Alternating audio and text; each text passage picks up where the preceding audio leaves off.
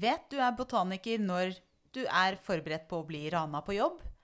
I botanikkens tjeneste har Charlotte Bjoro vært på feltarbeid på steder som er litt utenfor allfarvei. Når du kombinerer folkemedisin med botanikk, kan du finne nye vidundermedisiner, men du må være villig til å ofre noe for vitenskapen. Velkommen, Charlotte. Tusen takk. Og da er jo første spørsmål er, har du faktisk blitt ranet på jobb? Eh, ja. Det, jeg har ikke akkurat tall på hvor mange ganger, men eh, jeg tror når jeg holdt på med doktorgraden, hvert fall, da tror jeg ble ranet med alt fra bare nevene til med maskingevær. Så det kan jeg si ja.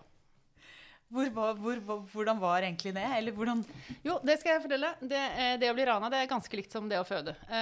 Det Når du liksom, når første veet kommer igjen, så tenker du bare Å, så vanvittig vondt det var. Eh, og så når du blir rana, så, så, blir du ganske kul når du, liksom, du, har lagt det bak deg. Og så når det skjer igjen, så tenker du bare å fy søren, det var så vanvittig skummelt det var. Så du, du legger det bak deg, og så gyver du løs igjen. Og så når det, kjennes, når det kommer igjen, så husker du hvor ille det var. Men det har ikke skremt deg fra å dra på feltarbeid på nytt? Nei, for du skjønner, jeg reiser ikke ut for å bli overfalt, jeg reiser ut for å plukke planter. Og, det, og da glemmer jeg liksom de små uhella som skjer underveis. Ikke sant. Men hva slags eh, Når du ble rana med maskingevær, f.eks., hva, hva slags plante var det du var på jakt etter da? Um, da holdt jeg på med doktorgraden, så da holdt jeg leit, Vi stamla liljer av forskjellige slag. Da, aloer og liljer. Mm. Var, det, var, var, det, verdt det? Ja, eh, det gikk jo fint. Så jeg har liksom alltid lurt litt på om jeg liksom jeg velger å se på det at jeg er veldig heldig, for det går jo alltid bra. Uh, Istedenfor å tenke at jeg er uheldig, at uh, du kommer borti så mye. Men det er veldig sjelden at dette her er personlig. Det er liksom Når du er hvit i sånne områder, så blir du sett på som en omvandrende pengesekk, noe du òg er. Så, så, det her det er jo ikke personlig ment, stort sett. Det er jo mest fordi du, du ja, sannsynligvis har penger, og da er det da er du et eh, synlig bytte, da. Kanskje. Ja, det er jo det de er ute etter. men jo, det var en gang jeg ble overfalt som Eller vi var en gruppe, og da Jeg har alltid ganske mye sedler og sånn på meg, sånn at jeg kan gi det ganske greit. Og så gjelder det å liksom prøve å gjemme unna ting, da, sånn at du har noe til å reise videre med. Eh, men da, da, var bilen vår som hadde brutt ned. Eh, så vi kom jo ingen steder. Vi venta på backup.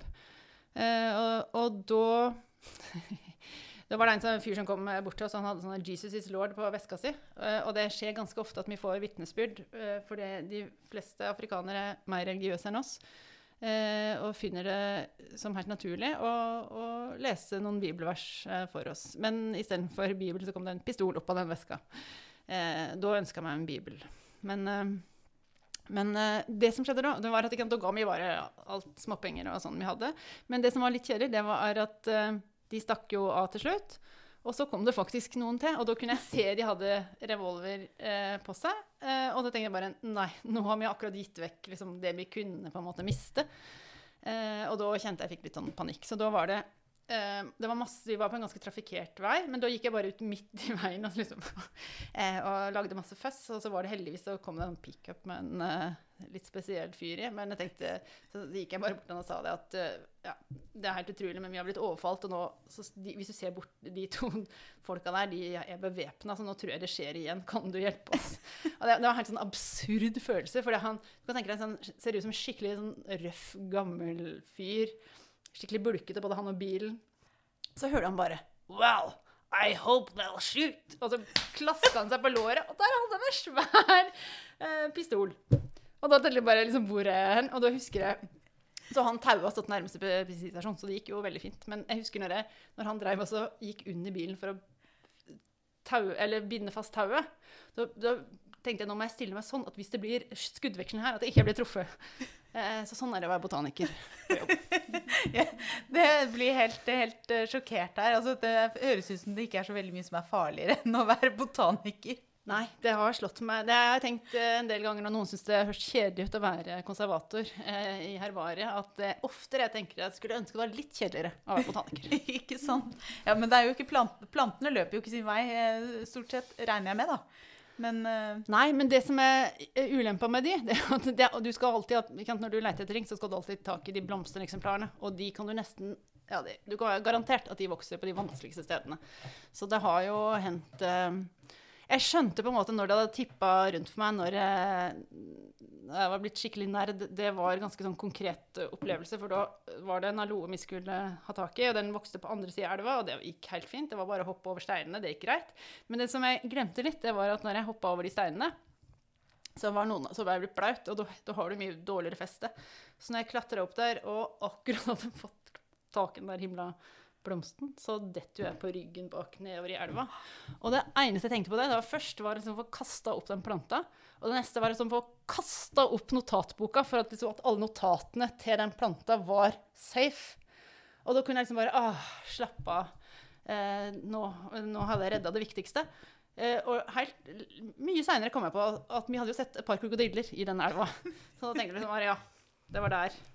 Nå er det gått så langt. Ja, hva, hvor er det rareste stedet, eller hva er det rareste du har gjort for vitenskapen? Um, ja. Nei, jeg har jo litt å velge mellom. Men jeg tror i hvert fall noe av det som var litt uventa for meg, nå, det, er, det er et par ganger som jeg har tenkt at, som jeg liksom sett rundt meg og trodd at Hvor er filmkameraene? Dette her skjer ikke på ekte. Den ene gangen det var når jeg da holdt meg på med, sånn, med etnobotanikk og og, stilt, og spurte spørsmål Eller om bruk av aloeplanter. Eh, og da skulle vi snakke med en, en, veldig kjent urtemedisiner. Og når vi kom dit, så viste det seg jo det at han eh, var en vassekte heksedoktor. Så, eh, men han jo, var jo helt vanlig kledd. Men når vi kom dit, så han, liksom, tar han imot sånn Ja, så nå er dere kommet. Han visste at vi skulle komme, da. Eh, ja, det visste vi jo ikke sjøl, men eh, han gjorde tydeligvis det. Eh, så det, alt var jo bare sånn skuespill fra hans side. Men vi, så kom han, ja, han skulle ta imot oss i mottakelsesrommet, og det var jo sikkert greit. Eh, og jeg ble da skifla inn på et sånt rom. Og jeg var jo, dette her i Kenya, ute midt i sollyset. Du er tilpassa masse lys, og så blir du slengt inn på et rom som var helt mørkt. Jeg så ikke, jeg så ikke en puck. Ingenting. Og så sitter du der inne, da. og så plutselig så begynner du å få eh, litt nattsyn. Og, det, og, da trodde jeg liksom bare Dette her skjer ikke på ekte. Det lå liksom der slangeskinn og sånn eh, antilopehover med sånn hårpisker, eh, eh, hodeskaller Liksom bare helt sånn derre Jeg var helt sikker på at dette her var en film. Og han eh, og, og, Poenget var å stenge meg der inne, da, for da skulle jeg bli skremt. Eh, jeg syntes jo bare at det var kjempespennende, og jeg ville ta bilde. Og da holdt han eh, Jeg hadde med meg en assistent som var kunne det lokale språket. Og han holdt jo på å stryke med når jeg tok frem kamera. For det, jo, det gikk jo ikke an. Eh, for han stakkars han, han var jo livredd. Um, for dette her er en stamme som, eller en etnisk gruppe som er veldig kjent for sin svarte magi.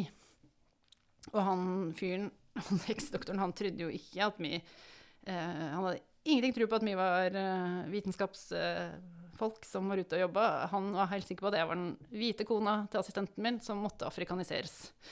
Eh, så, og uansett om vi sa Han trodde jo aldri på oss. Eh, ja. Så også hele greia blir avslutta med at eh, han assistenten min får en uh, noe et eller annet. Så jeg så ikke hva det var for noe. Og når vi kom tilbake i bilen, så lurte jeg på hva det var for noe. Nei, det kunne han ikke si. Så lo jeg bare og sa at ja, dette, this is science. Uh, så ja, ja så, han, så, lo han litt og sa at ja, han hadde han hadde fått med seg noe som han skulle i hemmelighet helle i teen min. Eh, for da skulle jeg, eh, etter sigende fra han eh, heksedoktoren, da skulle jeg bli viljelaus. Og så holdt vi på å le oss i hjel. Så han, tro, han, trodde aldri på sånn der heksedoktoren at vi faktisk drev med skikkelig etnobotanikk. Så det, Men ga, det, ja. ga, han fra seg noen opplysninger om disse alloplantene? Ja, han gjorde det. Jeg følte kanskje ikke at det var så veldig etterrettelig, det heller. Men fordi han, han hadde en hage der han dyrka ganske mye forskjellig, og annet noen aloer. Eh, og så kunne han fortelle at en av disse her hadde han henta fra et fjell, og så masse lang historie om det. Og at den var eh, De så kliss likt ut alle de andre, og det var samme art, men den var så spesielt, og den var supergiftig. Men eh, for meg så hadde dette her ingen troverdighet. Han gjorde det bare for å skremme oss, liksom. Mm. Så ja.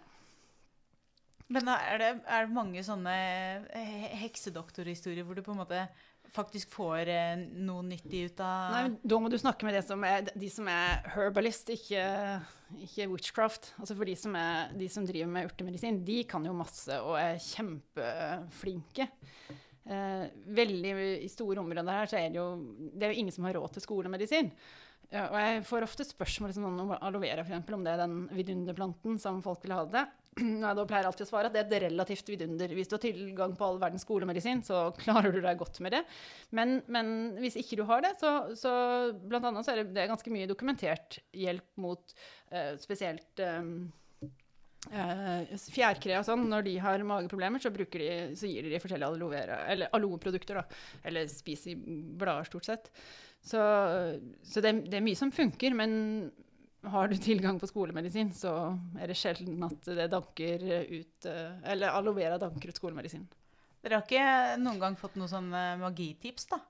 Fra noen eh, Jo, stadig vekk. Eh, Jeg kan ikke å på husker universitetet Makerere i Uganda. De har en sånn de har sånn utsalg av urteprodukter, og det er utrolig mange som skal hjelpe mot potensen, eller for potensen og sånn. Men jeg tror ikke det er så veldig godt dokumentert. Men det selger godt.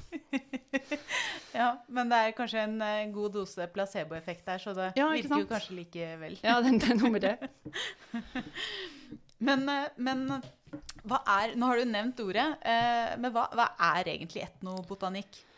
Altså, det handler jo om bruken av planter. Eh, og det er jo Det er jo veld, veldig mange av medisinene våre kommer gjennom etnobotaniske undersøkelser. Ikke sant? Du har én type plante som du bruker mot en eller annen lidelse, og så, så er det jo noen virkestoffer som man analyserer. Eh, og så er det sånn var det, det var en professor som sa det, at jo flere ting en plante virker mot, jo mindre virkestoffer har den. For hvis, er sånn, hvis den er så lite spesifikk at du kan bruke den for, for alt, så funker det egentlig antageligvis ikke til noe. Men, eh, men eh, altså min, min vei inn i etnobotanikken er jo mye mer det med eh, conservation biology, eller bevaringsbiologi. At eh, jeg har jobba mye med arter som er trua. I aloe-slekta så er det ganske mange av de som er utrydningstrua. Og da er det jo veldig vesentlig å vite åssen de blir brukt. For noen Og jeg har, jeg har stilt spørsmålet om om bruk er det et problem eller en fordel. ikke sant? For hvis du, noen av loartene de eh, drar de opp, og så bruker de røttene eller, eller stammen.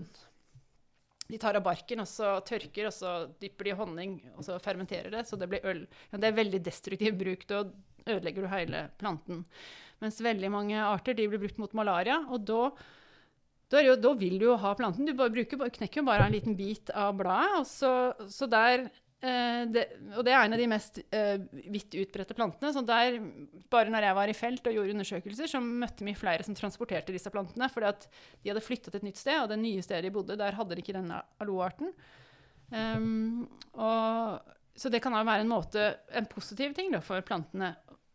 Så når du skal på en måte gjøre sånn evaluering i forhold til hvor trua en plante så er det veldig viktig å vite åssen den blir brukt. Og om folk tar den med seg på flyttelasset. Ja.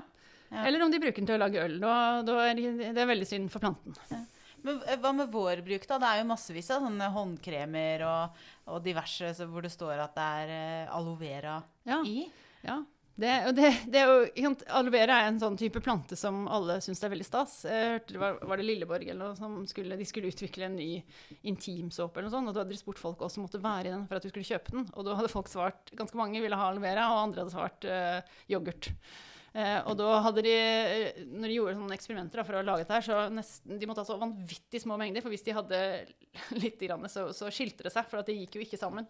Men da for å så, så, så veldig mye her er bare navnet. Det er ikke noe, det er ikke noe virksomhet igjen. Nettopp. Så Og da trenger ikke Så hvis jeg da går på butikken og uh, rent hypotetisk sett da kjøper en aloe vera-krem, så trenger jeg egentlig ikke være så bekymret for at eh, at det truer bestanden av aloe vera på noen måte. Nei, akkurat aloe vera er jeg jo ikke så veldig redd for. Den, den, eh, eh, vi gjorde en fylogen, fylogenetisk studie for noen år siden, og den, for aloe vera fins ikke vill. Eh, den har vært kultivert i så mange år at de vet ikke hvor den kommer fra. Oi. Eh, og det eh, las flere teorier på, på hvor den kom fra. Én var at den, kom, den opprinnelig kom fra Edens hage. Og så når folk flytta derfra, så tok de den med seg rundt. Jeg greier ikke å finne noen sånn verifiserte kilder på det. Men hvor, hvor ligger Edens hage da i? Ja, ikke sant? Ja, så det var jo da neste spørsmål. Så det vi gjorde, Og det er også morsomt når du kan eh, lage fylgenier. For da fant vi ut at egen, egen hage den må jo da ligge i um, Horn of Africa, altså Somalia og det området der. Eh, for der er den nærmeste slektning til al aloe vera kommer derfra. Så da har vi all grunn til å tro at Edens hage var der. Det er mange som ble overraska over det resultatet, da. Men hvis, hvis du finner Edens hage som et biprodukt av en fylgeni, så ikke det så verst, det heller. Jeg synes det høres ut som en overskrift.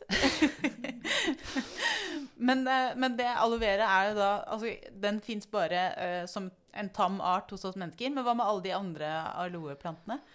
Ja, det, det fins masse arter av det. Eh, rundt 600. Og de, noen av de er kjempegiftige, og andre Det er veldig mye forskjellig. Eh, men, eh, men det, det, det, er flere, det er rundt fem arter som brukes på samme vis som aloe vera. Men aloe vera er jo blitt en sånn sagnomsust plante. Columbus skrev i sin dagbok når han skulle til India, at alt er vel, aloe er om bord. Eh, og Aleksander den store han vant flere kriger, fordi det første han gjorde, det var å få makten over Sokotra, som er en sånn øy utenfor den arabiske halvøya der, eh, som produserer de beste alo, aloe vera, eller hadde de beste aloe vera-plantasjene. Og da ble han din uovervinnelig i krig, og sånn, sånn sett så gjorde det hans hær mye mer bedre enn alle andre. Så, så du, kan, du, kan, bruke det smart. Og det, det kan være et ørlite innslag av placebo der òg, men who knows. Litt magi, rett og slett. Ja. ja. Um, men uh, når du holder på med sånn bevaringsmedisin, uh, holdt jeg på å si bevaringsbiologi, uh, og hvordan går du fram da for å kartlegge og finne ut at den, hva, hva, som skjer med en art, hva den blir brukt til? Ja, det, altså når vi gjør det er mange måter å finne ut av ting på, men da gjør vi ganske sånn strukturerte studier. Du, har, du, skal ha et visst antall informanter, og så er det viktig å ha dem fra forskjellige eh, etniske grupper og språkgrupper og, og, sånn, for å se hvorvidt det er noe Noen ganger så har det sånn veldig ekstremt lokalbruk, at det er kun den etniske gruppa i det lille området som bruker det sånn. Derfor er det om å gjøre å spre det utover. Og jeg har jo som taksonom, altså som, som, liker å sette navn på ting, så har jeg jo drevet med etnotaksonomi, som handler om åssen du navnsetter ting. For det forteller veldig mye om hvor viktig ting er for deg. For en ser veldig ofte sånn at, uh, at du setter navn på det du har behov for å, å, å kjenne til. Da. Så alle arter du bruker, har du et navn på, men, mens du har ofte sånn samlebetegnelser for de du ikke bruker. Og, og noen ganger så kan vi, når vi har snakka med folk, så spør vi for det fins noe som heter grassaloer. Det er jo aloeslekta, men de, de, er mye mindre sukkulente og helt annerledes. Så når vi spaserer en sånn en, så spør vi ja, har du navn for denne her. Og da liksom bare Ja, det er jo liksom en aloe. For de har, en sånn, de har et slektsnavn som eh, aloe. Også, men det er liksom ikke en ekte en. Så det, det, det, altså det Åssen du navnsetter, det, det, forteller deg veldig mye om eh, viktigheten av artene. Mm. Eh, så så, men da gjør vi det helt til nå. Da har vi sånn skjema som vi følger. For det, det, er jo interessant å se om kan Er det alle som vet like mye om Er det bare damene eller bare mennene? Er det bare de gamle som vet ting? Så sånne sekundærinformasjon er jo ganske viktig. Har du, har du, opplevd det? At det er planter som bare damene vet om? Er det type mot menstruasjon eller fødsel eller Ja, ja det, er jo, det er jo ofte så, så, så tenker jeg jo det at det er en del plantekunnskap er det damene som besitter. Men sånn som for aloeslekta, så, så, så, er det ikke tilfellet. Der er det jevnt over, for den er såpass viktig. Den har så brei bruk at den, den, der var det ikke noe signifikant forskjell mellom eh, menn og kvinner. Men er det, er det, planter som bare menn vet om òg, Er det noen som på Ja, det er veldig mye sånn eh, afrodisiak-planter ja. som, uh, som, de har mest oversikt over. Og så er det jo ekstremt mye uh, urteplanter som blir brukt i, mot kjønnssykdommer. For det er jo eh, Ja, det kan både være at ikke de vil gå til lege med det og andre ting, men det syns jeg er påfallende mye som blir brukt mot uh, kjønnssykdommer. Ja. Forteller de deg om det? Altså Er de liksom er villige til å være åpne? Ja, det, det gjør de. Ja. Mm. Så i vitenskapens navn så tør de å ja.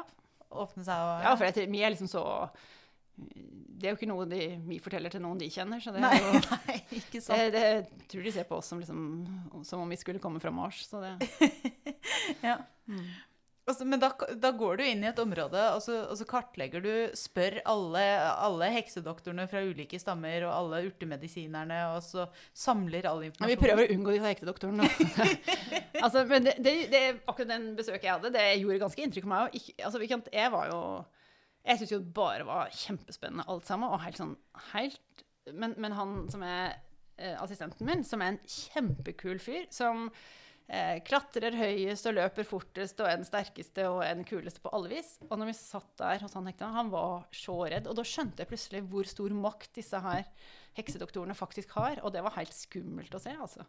Så han var altså så altså, Han var ikke en tørr tråd igjen på hele kroppen. Han var gjennomblaut etter den der session. Han var livredd. Og det er jo fordi, ikke sant, jeg hadde jo ingenting, altså, Han sa det jo etterpå, eh, at eh, svart magi funker jo ikke på hvite. Så det var flaks. Oh, ja. ja, nettopp. Mm. Ja, det er jo det er veldig kjekt. Ja, det er greit, greit å vite. Men eh, også, når du kommer hjem og har samla dette materialet, da, er, Mm. da blir det en vitenskapelig artikkel? Er, er Ja. det Det gjør det. Fordi at, uh, Vi bruker det på forskjellige måter, både rent etnobotanisk, men min, min interesse for etnobotanikk den kommer via bevaringsbiologi. Uh, så jeg, jeg, jeg først og fremst jobber jeg med andre ting, men, men for, når, for eksempel når jeg jobber med sånne planter som aloer, så er det kjempeviktig å vite om bruken.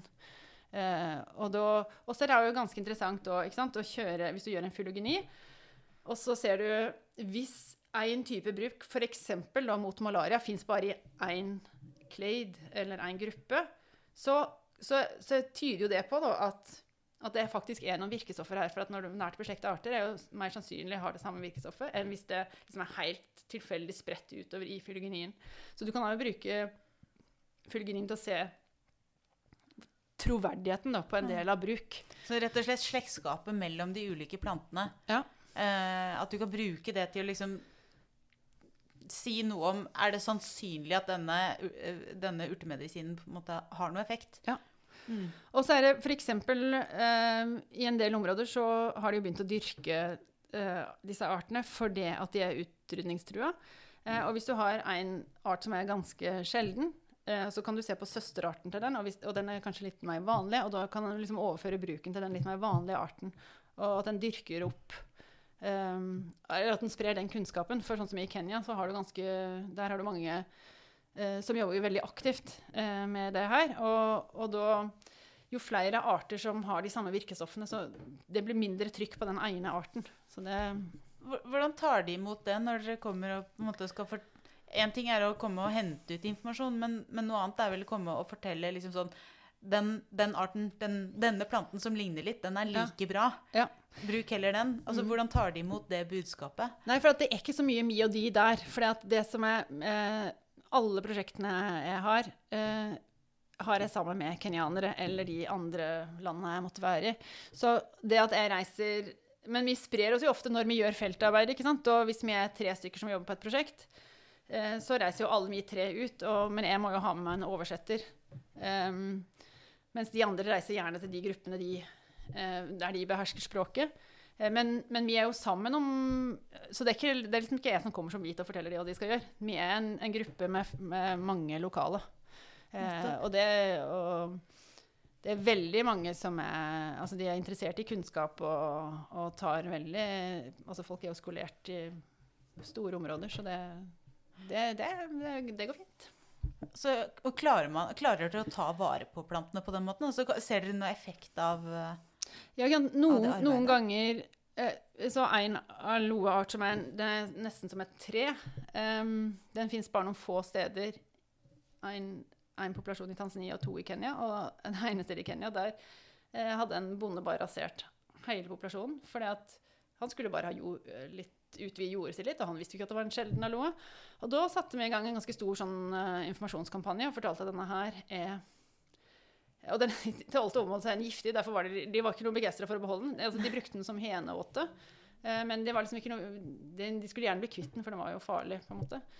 Eh, men når vi fortalte at, det var, at den var veldig sjelden, så tok, var det jo noen som tok ansvar, og de i lokal eh, myndigheter og sånn, da, som, uh, som passa på at eh, Så da oppformerte vi Faktisk så hadde vi, har vi et par av de på Tøyen, som vi fikk ført tilbake en del av de plantene. Eller i hvert fall frø, da. eh, og som har dyrka de lokalt. Så, så en del sånne utryddelsesepisoder skjer jo bare fordi at, ikke, fordi at folk er ikke klar over Mm. at det var en globalt sjelden art. Men det er jo en del av disse eh, plantene som nettopp fordi at eh, de har en viss popularitet innen urtemedisin, eh, og da er det ikke bare snakk om aloe veraen som er såpass kjent at vi, den har nådd oss her i Norge, men det er jo massevis av andre planter som har eh, som brukes på en måte nesten magisk, men også i faktisk urtemedisin, og som handles med. da. Um, hvordan jobber dere med, med handel av planter? Sånn, Ja, Vi jobber jo egentlig ikke så veldig mye med det, for vi driver jo med forskning og prøver å holde oss så langt unna det som mulig. Men vi har flere forskere, bl.a. hos oss på Tøyen, som har jobba aktivt f.eks. det Sånn som for aloe-slekta. Der er jo alt, alle aloer utenom aloe vera står på CITES-lista. CITES-lista er den samme som den som regulerer elfenbenshandel og sånn. Fordi at de er utrydningstrua, veldig mange artene. Men de er veldig vanskelig, når de ikke i blomst, så er de veldig vanskelig å art- artsbestemme dem. Så derfor er det flere eh, som har jobba med det å få barcodes, altså at du kan ta en genetisk analyse, og at det er markør for den arten. For hvis du liksom står der med et fang med ti aloer eh, og påstår det er aloe så er det ikke så lett for tollerne å fortelle dem at nei, det er faktisk en annen art. Så, så sånn sett har det vært jobba med, med å jobbe mot handel og, og jobbe fram barcodes eh, som en kan bruke for å teste når, når de er vanskelig å bestemme. men ikke, kan ikke det være farlig også, handle med feil plante? Altså, du nevnte at en var giftig. Mm. Ja, det, det skjer jo stadig vekk. Eh, Jeg husker jeg jobba i Tanzania, og der var det en student som ble kjempesjuk. For han, der hadde de en aloehage som de hadde liksom tatt aloer fra forskjellige steder. Og han kjente jo bare én aloeart fra der han kom fra, så den brukte han alltid når han ble dårlig av malaria. Så gikk han ut og tok et blad, og det var dessverre fra en av de giftige. Så han eh, var, det var rett før det var for seint for han, men han overlevde. Så det, så det, det, det er kjempeviktig. Og jeg ser jo det jo eh, her i, i Norge så er det mange som, som uh, spiser diverse planter, og da er det jo veldig Jeg har fått telefoner der folk skal ha tak i aloe arborescens, for det hjelper så veldig bra for fordøyelsen. Uh, og da er det ganske viktig at du vet at det er den du spiser, og at ikke du prøver deg på en av de andre. Mm. For er, jeg har jo sett en del eh, forskjellige ting som blir solgt som aloe vera, og det er ikke alt som jeg hadde gått god for. Nei, ikke sant? At, eh, at man rett og slett har endt opp med å i uf, ja, uvitenhet da, eh, selge, selge feil plante. Ja, en del er unnvitenhet, og noen ganger så er det jo litt sånn bekvemmelighet. For det i og med at eh, alt annet enn aloe vera står på CITES, så hvis du kaller aloe vera, så kan jo da Så er det lettere å importere. Så Men eh, ja. Det er jo ikke så lett å vite hvor eh, grensa går, hvor folk hvor det er sluhet, og hvor det er kunnskapsmangel. Nei, det slår meg som at jeg eh, sitter nå og ønsker meg en slags sånn eh, barcode, som du snakket Ja. om. Altså rett og Mm. slett en genetisk gjenkjenning av de riktige plantene. fordi det er både for å ta vare på dem, men også for at man vet hva man har, da. Ja. Um, det, det, men det er jo kjempeviktig. Jeg husker en gang da jeg i, skulle samle noe en, eh, Jeg var på vei til nord i Kenya, og det eh, Ja, det var Vi hadde blitt overfalt på turen, så vi var litt forsinka. Og så var det, skulle vi over et sånt pass, og, og der Det er et sånt område som det er veldig Det er, er akkurat to, to etiske grupper som Og de slåss en del. Eh, så der er det litt farlig å ferdes, så da må du kjøre en sånn kolonnekjøring. Sant? At jeg har en militærbil foran og bak. Og vi hadde jo da selvfølgelig ikke rekt øh, den der kolonna som gikk om morgenen. Eh, og vi, vi var akkurat nyoverfalte, så var vi litt sånn over middels skeptiske. men, da, men vi kjørte nå av gårde og tenkte at det gikk greit. Og så fikk jeg se da, en aloeplante som eh, ifølge floraen ikke Det skulle ikke finnes noe sånt i det området. Så det, men vi kunne jo da torde ikke å stoppe siden det var eh, vi ikke hadde rekt kolonnen. Eh, men vi skulle tilbake samme veien. Eh, da rakk vi heller ikke kolonnen, og det husker jeg ikke hvorfor. Men, men da visste jeg i hvert fall akkurat hvor den aloen var. Så da ba jeg kollegaen min å bare stoppe. Så skulle jeg bare beine ut og kutte av den aloen og så springe tilbake. For det går fint. For de, du kan bare Hvis du tar en, en grein, så kan du stikke den ned i jorda, så vokser den videre. Det er jo fordelen med sukkulenter. Og så, og så jeg gjør som følger min egen plan, springer ut, kapper planten, springer av og kjører av gårde. Og plutselig tenkte jeg bare ah, Jeg blir så kul. Jeg blir så vanvittig tøff. Eh, her liksom, Jeg kutter armen min uten å legge merke til, for blodet bare rant nedover armen min. Eh, men det gjorde altså ikke vondt. Det gjorde ikke vondt i det hele tatt. Og når jeg, når jeg så litt bedre etter, så var det heller ingen kutt. Men det var saften på den aloen som var først gul, og så oksiderte den, og ble, den så akkurat ut som blod. Så, og det, var ikke, det var, visste vi ikke om kunne skje med aloer. Så det var jo, dette her var jo da antageligvis en ny art. Så, så det er forskning. Vi aner ikke hva vi driver med. Nei, men jeg sitter jo her med åpen munn. Ja, men det var Jeg trodde jo helt seriøst at jeg hadde kutta meg. For det, det sto akkurat ut som blod som brant nedover. Og så var det bare oksidert. Plantesaft. Eh, plantesaft ja. Rett og slett. Mhm. Og ikke sant, det er jo sånne ting, det er jo lurt at når du skal For det er mange som smører uh, aloesaft på huden mot uh, kviser og sånn. Og da burde du ikke ta det med rød saft. Jeg tenker sånn, Hvis du da hadde blitt rana, så kunne du jo bare smurt litt mer Ja, blod på deg. Og så bare sagt sånn Nei, Ja. jeg har allerede gitt gitt frem Ja. alt. Det er et kjempetips neste gang. Never leave home without en rød aloe. Men på disse reisene, har du, har du noen gang funnet en plante hvor du tenker at her er det medisinsk pot- potensial, og så denne planten burde man eh, virkelig teste for å finne noe? Eh, ja, som vi har i hvert fall eh, eh, når, vi, når vi finner Jeg husker vi var en eh, art som jeg jobba med i et område, og der fortalte han en av informantene våre at, den, at de brukte den mot eh, ja, et par forskjellige sykdommer. Men så sa han at det, var, det som var veldig veldig viktig, det var at du ikke, hvis du var gravid, så måtte du ikke ta den. For det hadde mora hans gjort, og hun døde. Oi! Eh, og det, det som det forteller deg, det er liksom at den kunnskapen som de har opparbeida seg, den har de betalt for. Ikke sant? Så det forteller òg at når, hvis en skal utvinne noe, ta noen patenter eller utvikle dette her videre til medisin, da bør inntektene av det gå tilbake til de som har fått den dyrekjøpte eh, eh, kunnskapen. Og det er jo, det er jo jobba veldig mye med de seinere åra gjennom internasjonale avtaler og sånn, Nagoya og, og sånn, som dessverre òg har gjort at det er blitt ganske vanskelig å forske på biodiversitet, i, og, og spesielt det med bruk av planter. Så det er, det er sånn som gjør det for oss som kommer fra Europa, nesten umulig å forske på dette her. Og det på mange måter forståelig, da. For det har, mange, det har vært en del stygge eksempler på at det kommer amerikanere eller europeere, og så spør de om bruken, og så patenterer de, og så tjener de alle pengene. Og så sitter de som har da De som hadde kunnskapen, får ingenting. Det som, er, det som gjør situasjonen veldig vanskelig Så nå Altså, jeg har studenter som jobber med etnobotanikk, helst lokale studenter. Um, og, det, og det som er veldig viktig, det er å dokumentere hvem som har den kunnskapen, sånn at hvis det på et tegnere tidspunkt blir eh, patentert eller utvikla noe medisin, så skal det, deler av inntekten skal tilbake til den etniske gruppa. Det veldig, men det er jo en ganske lang prosess fra du liksom starter med undersøkelse til et ferdig produkt. Så det er ikke så veldig mange gode eller sånn oppløftende eksempler på at dette her fungerer. Men det har vært ekstremt viktig å dokumentere hvem som sitter på kunnskapen opprinnelig. Ja, det tenker jeg. og Når du sier det nå, så, så slår det meg at det, det har nok ikke vitenskapen vært så opptatt av tidligere. Men, men det er utrolig bra at det har blitt en bevissthet rundt den, den fordelingen. Og at de som Mm. da, som du sier, har Mm. opparbeidet seg ganske dyrkjøpt kunnskap da, eh, om lokale planter og, Mm. eh, og andre arter, at de, at de får noe igjen for det. Absolutt. Eh, om det skulle bli en medisin, da. Ja.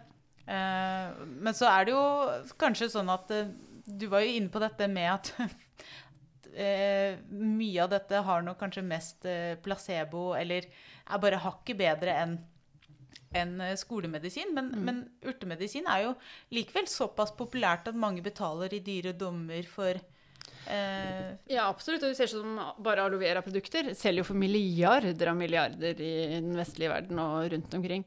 Men, men det er jo veldig det, Inntektene kommer veldig lite fra, fra der planten vokser opprinnelig. Nå er det jo svære plantasjer i USA og sånn som tar mesteparten av, de, eh, for de inntektene.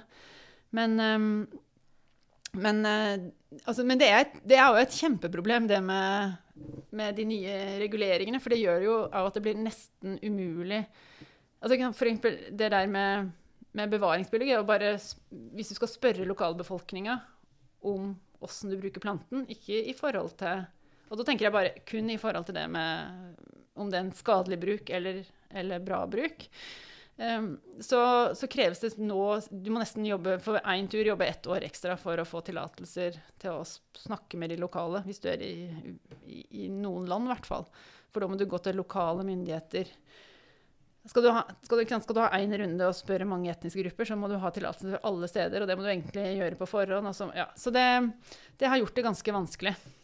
Det, og det slår jo tilbake igjen da, på den forskningen. fordi på den ene siden så er det kjempebra og kjempeviktig arbeid for ja. å bevare plantene mm. og ta bedre vare på dem. Altså, hvis man kan da skifte fra en utrydningstrua art til en som er helt ja. vanlig, eh, og de har samme virkestoff, så er jo det mm. supert. Ja. Eh, mens hvis man ikke får gjort det arbeidet mm. eh, ja. Det, det, var en artikkel i Science for noen år siden som, eh, der det var en del biodiversitetsforskere som uh, ba politikerne og byråkratene om vær så snill, bygg ned muren mellom biodiversiteten og biodiversitetsforskerne.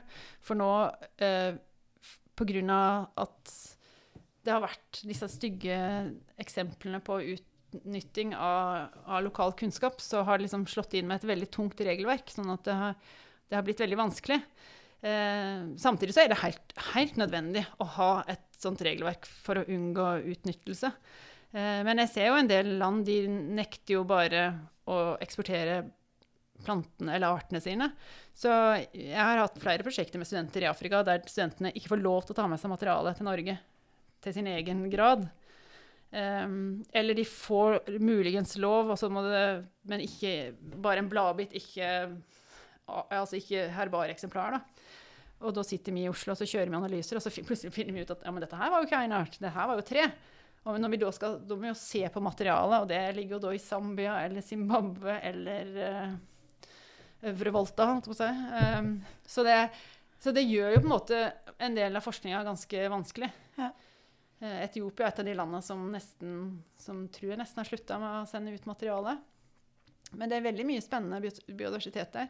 Men, eh, men da, da, vil du jo heller jobbe i andre land der det faktisk er mulig å gjennomføre. Så det, det er fordeler og ulemper med ja. alt. Men uh, det bærer nok litt preg av noen ganger at, at de som har laga regelverket, er ikke forskere. De har ikke skjønt på en måte helt uh, Det er litt at du bruker liksom slegge der du kunne ha brukt en pin, mm. pinsett. Mm. Ja, at, du, at, det rett og slett er tiltak som har en god intensjon, sannsynligvis, ja. men som ikke er spesielt uh, treffsikre. da. Ja, ikke sant? At du, du, du får med deg for mye. Når du, når det du, målet for reguleringa er at ikke uh, utlendinger skal komme inn og stjele kunnskapen og patentere og tjene masse penger på det. Men så slår du liksom i hjel dine egne studenter da, som skal til utlandet, og fordi at ikke de har eh, muligheten til å gjøre de type analysene med sin egen institusjon, så gjør de det hos oss eller andre steder. Og det, det, er jo ulempe for det landet i, i lengden. Og, og eh, husker du det brant i Brasil for ikke så veldig lenge siden? Et naturhistorisk museum der. Eller det var både kultur og natur. Og i Sør-Afrika så brant det jo på, i Cape Town. Eh, og Brasil er jo et av de landene som har eh, slutta å eksportere sitt eget materiale eh, for å beskytte sin egen biodiversitet. Men det som skjer, da, at hvis du en, når du oppdager en ny art, så må du skal den defineres med en type. Så den typen, det er ett fysisk eksemplar som for evig alltid skal være bundet til det navnet. Hvis det er noen som lurer på hva du mener med blåveis, så ligger det urblåveisen ligger et sted. Um, det er liksom meteren for blåveisen? Ja, ja helt riktig. Ikke sant? For det, se for deg, da. Du tror du vet hva en sebra er, ikke sant? Ja. Så gjør du en, samler du sebra over hele Afrika, så oppdager du plutselig nei, de faller faktisk i to forskjellige kleder, og så er det en suspekt art i midten der. Det er to forskjellige ting. Men da må du jo vite hva skal du kalle sebra den ene gruppa eller den andre gruppa. Og da må du gå til ursebraen, altså meteren. og så vet du at det navnet er den, og så må du finne et nytt navn til den andre gruppa. Så, så disse typene, da, det er våre referanser. Det blir litt Og når da et museum brenner, da brenner typene. Eh, eh, og det, det, blir litt som at du skal lære deg et, et, nytt språk, og det første du gjør, er at du bare brenner ordlista. Alle referansene dine forsvinner. Eh, og før Det som er god tone i botanikkens verden, det er at du, når du en, bestemmer en type, så lager du òg en isotype. som er altså på en måte, Hvis du er tre, f.eks., så tar du én grein som er hovedtypen. Og så tar du en annen grein fra samme tre som du kaller en isotype. Og den sender du til en annen institusjon nettopp fordi det kan skje noe med den ene. Og når du da har sånne regler at ikke du får lov til å sende noe ut, så sitter du på alt materialet. Og så mister du av alt. Så det er 'sharing is caring', som vi pleier å si. Det, ja, det høres jo veldig sånn risky ut å sitte med ja, alt sammen på ett sted. Eh, Ja, det- mi- I Oslo for eksempel, så har vi, får vi veldig mye etterspørsel etter noen kinesiske arter. Vi har så mye kinesiske typer. Og det var fordi at det var en stor ekspedisjon til Kina som hadde typen sin i Berlin, men her bare i Berlin, det ble bomba under andre verdenskrig. Eh, Men da hadde de sendt altså, isotypene til oss, så nå sitter vi med de eneste. Så pga. at bom, det ble bomba i Tyskland, så har vi heldigvis så sendte de noe til oss, og har, nå har vi eh, referansen. Så det er faktisk ekstremt viktig eh, å kunne Og alle som Altså, du, du vil jo Når du beskriver en art, så lager du noe som heter en protolog. Protolog, det er, det er beskrivelsen av den arten. Og den, den har vært på latin fram til ganske nylig, og nå er den på engelsk eller latin. Og den kan du lese. Men når du lager en protolog, så vil du alltid understreke hvor forskjellig den er fra de andre artene. Og det er så ufattelig stor forskjell på å lese en sånn diagnose og protolog kontra å se det. For når du ser det, så ser du bare at dette her er jo det samme.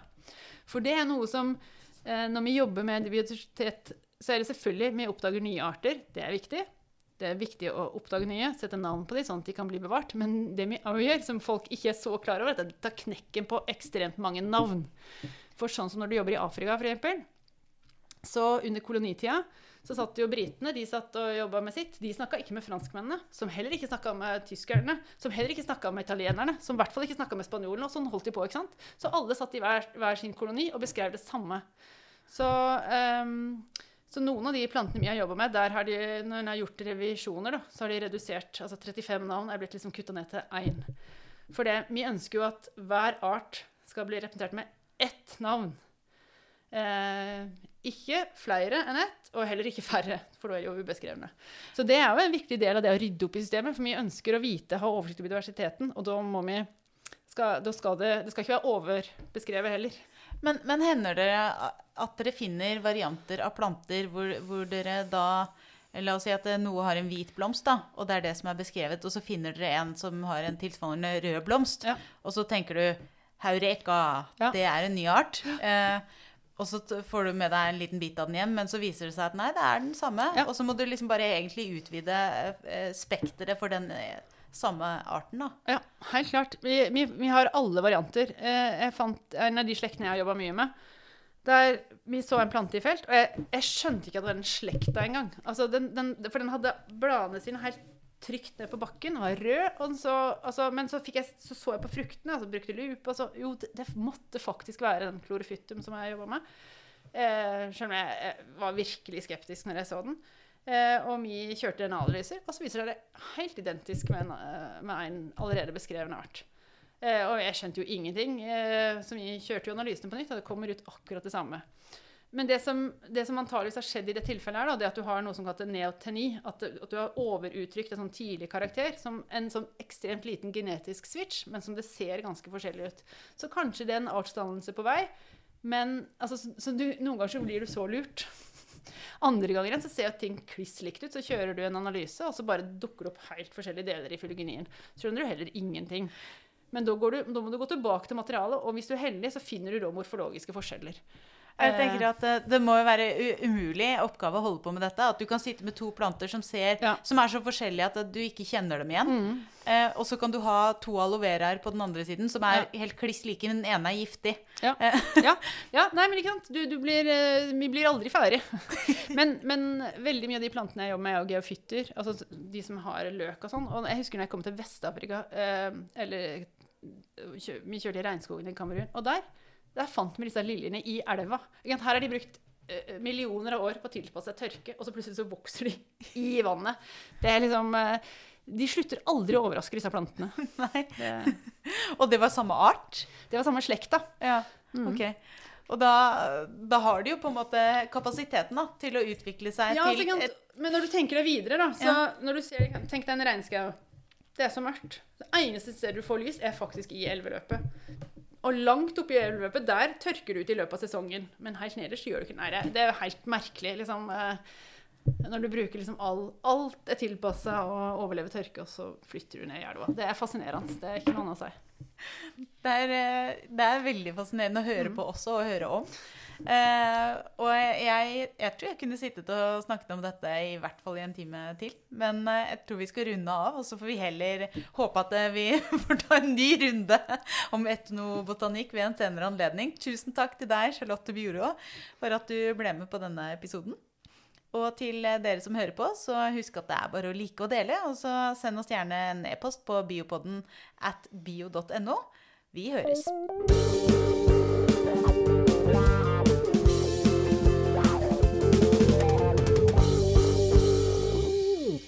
Du har nå hørt Biopodden intervju med Elina Melteig, og med på laget har jeg også Torborg Galtland, daglig leder i Norsk biologforening.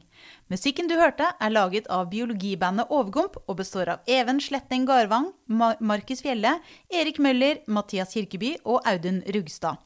Fortell gjerne om podkasten til venner og kjente, og gi oss tips og tilbakemeldinger på e-posten biopodden at bio.no.